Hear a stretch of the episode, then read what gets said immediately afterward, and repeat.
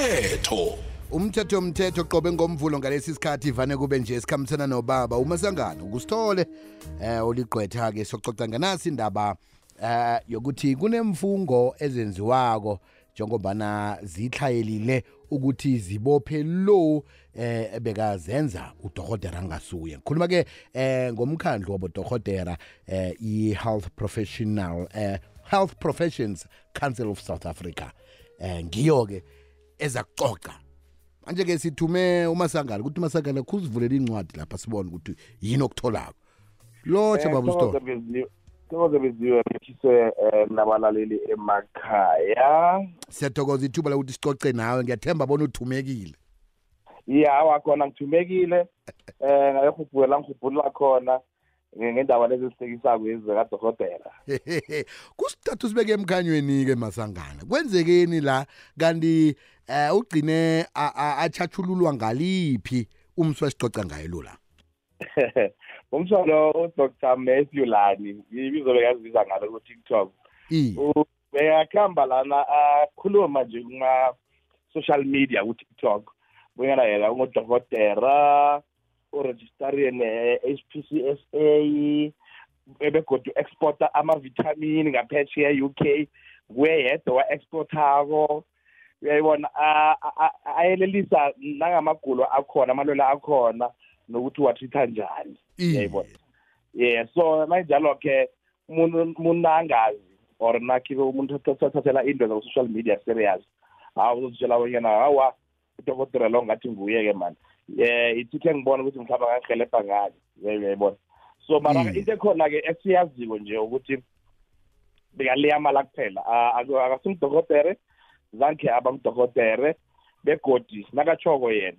Akakho umuntu owa-acta phezu kwamala akhe lawa ebekawaleya ukuthi yena ngudokotela kana kana ukhona umuntu waconsulta naye athi awa ngiconsulta dr messi dr messi amukela imali amtshela lokhu amtshela khona-ke then lapho ngasikhuluma ngenye indaba-ke lapho.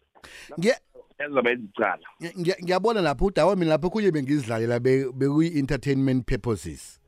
Iye yona utsho njalo ukuthi beke-entertainment purposes and akusomlandi biziyo kuleya mala yabona. Ukhuluma mali abantu bakhuluma mali every day and then akekho umuntu uzabatsho uyaboshwa.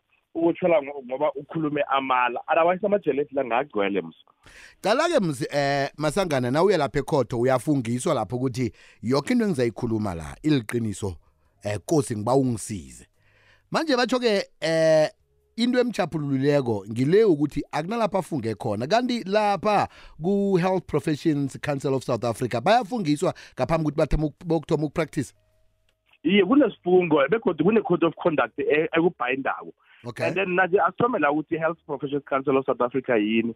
Ihlangano eh e-overseer abodokotela abodokotela bobani? Babantu abafunde e-university baqualifya bayokwenza ama-community service babhala ama-examination wakhona bese ba-apply ukuba be-registered under i-health professional council bebathatha isifungo sokuthi bazokwenza umbereko wabo ngendlela eh kosele bawenze ngayo and then nokuthi bazohlonipha noho ubudokotela babo lowo.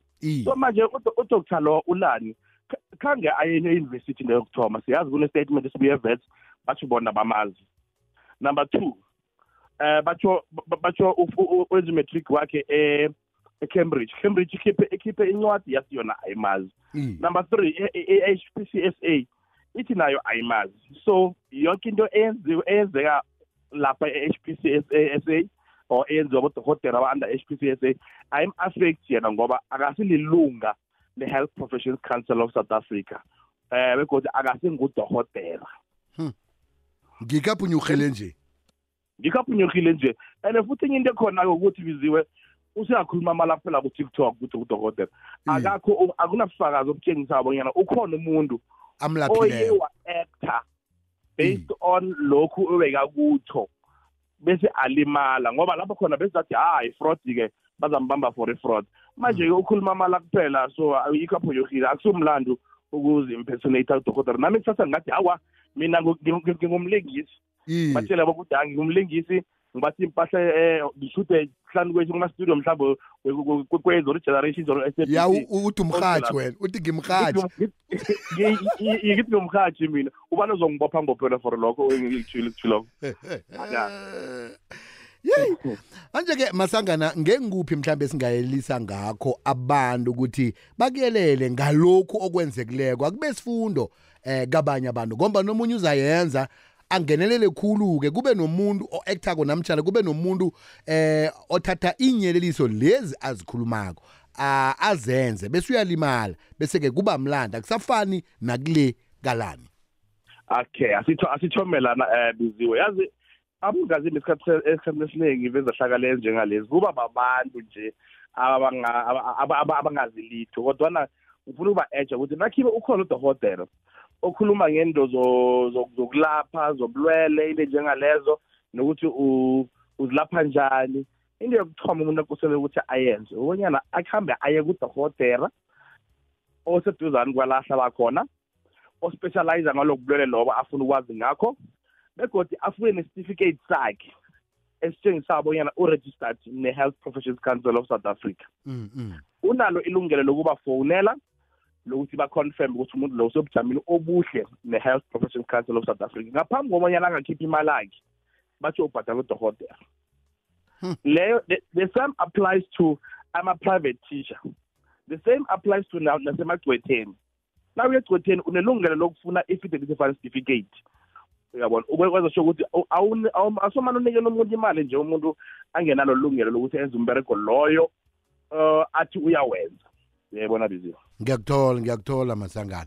Ngoba nawungena ku-tiktok ku-tiktok akunanto engekho. Ngiya- ngathi uyangena ngapha kuyaphengulwa. Ngapha ke- akunanto engekho ku-tiktok apha abantu abayelele um ukuthi umuntu lo okupha ilwazi oluhloga kweli umuntu ofaneleko na iye iye biziwe and kosele ukuthi enzeni aye kudokotela wamarehe Mm, mm. physically aconsulte naye ukuze akhona ukuba nelwazi elizeleko.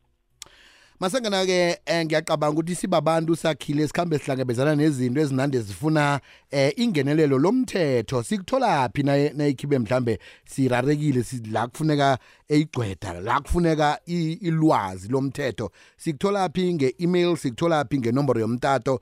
Nayikhibe mhlambe kunama-ofisi usilayele kiyo ukuthi siza njani? Okay ama ngithoma la ama-office wethu ase-112 main street johannesburg. Eh hlani kwegandhi square ku-seventh floor. And then igama le-fm i-jvs attennis inc. And then-ke eh siberega i-country yonke lena akukho la singafinyeleli khona. Siberega i-country yonke lena.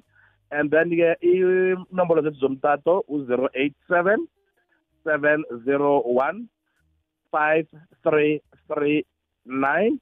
And then e-email address is joseph at jvsattorneyinc.co.za bangasithathela umtato namkha basithumelele i-email and then bazosifunyela lapho. Masangana siyathokoza. Ungadinwa ngithi-ke nangomuso sak- sakubuya godu um sikuthume lapho khunye ngiyathokoza biziwe ngiyathokoza ipleasure ngiyami. Sithokoze khulu kwamambala besikhulumisana naye ngubaba ujosepha wakwasithole uligqwetha-ke besicoca nganasi indaba eh ye-hpcsa eh i-health professions council of south africa. Ngemva kokuthi-ke umswalo webekazenza u- usingadohotera eh agcina aphunyuhileke ezandleni zamakhamandela phume ukhutshiwe-ke ejele ngombana kuthiwa akunalapha afunge khona ukuthi mina ngiza kusebenza njengodokotela begodwa akunamuntu othe awa mina ungiphe amapele ngawasela ngagula. Yelela-ke ziningi into ezenzekako. Sikhulukhulu ku-social media. Huh? nami ngizangena ngithi chinge ngemva kwendlu yangikheni uza kuthola intwanyana lapho yembe uyipheke. Ngingasuye umelaphi? Yelela. Umthetho umthetho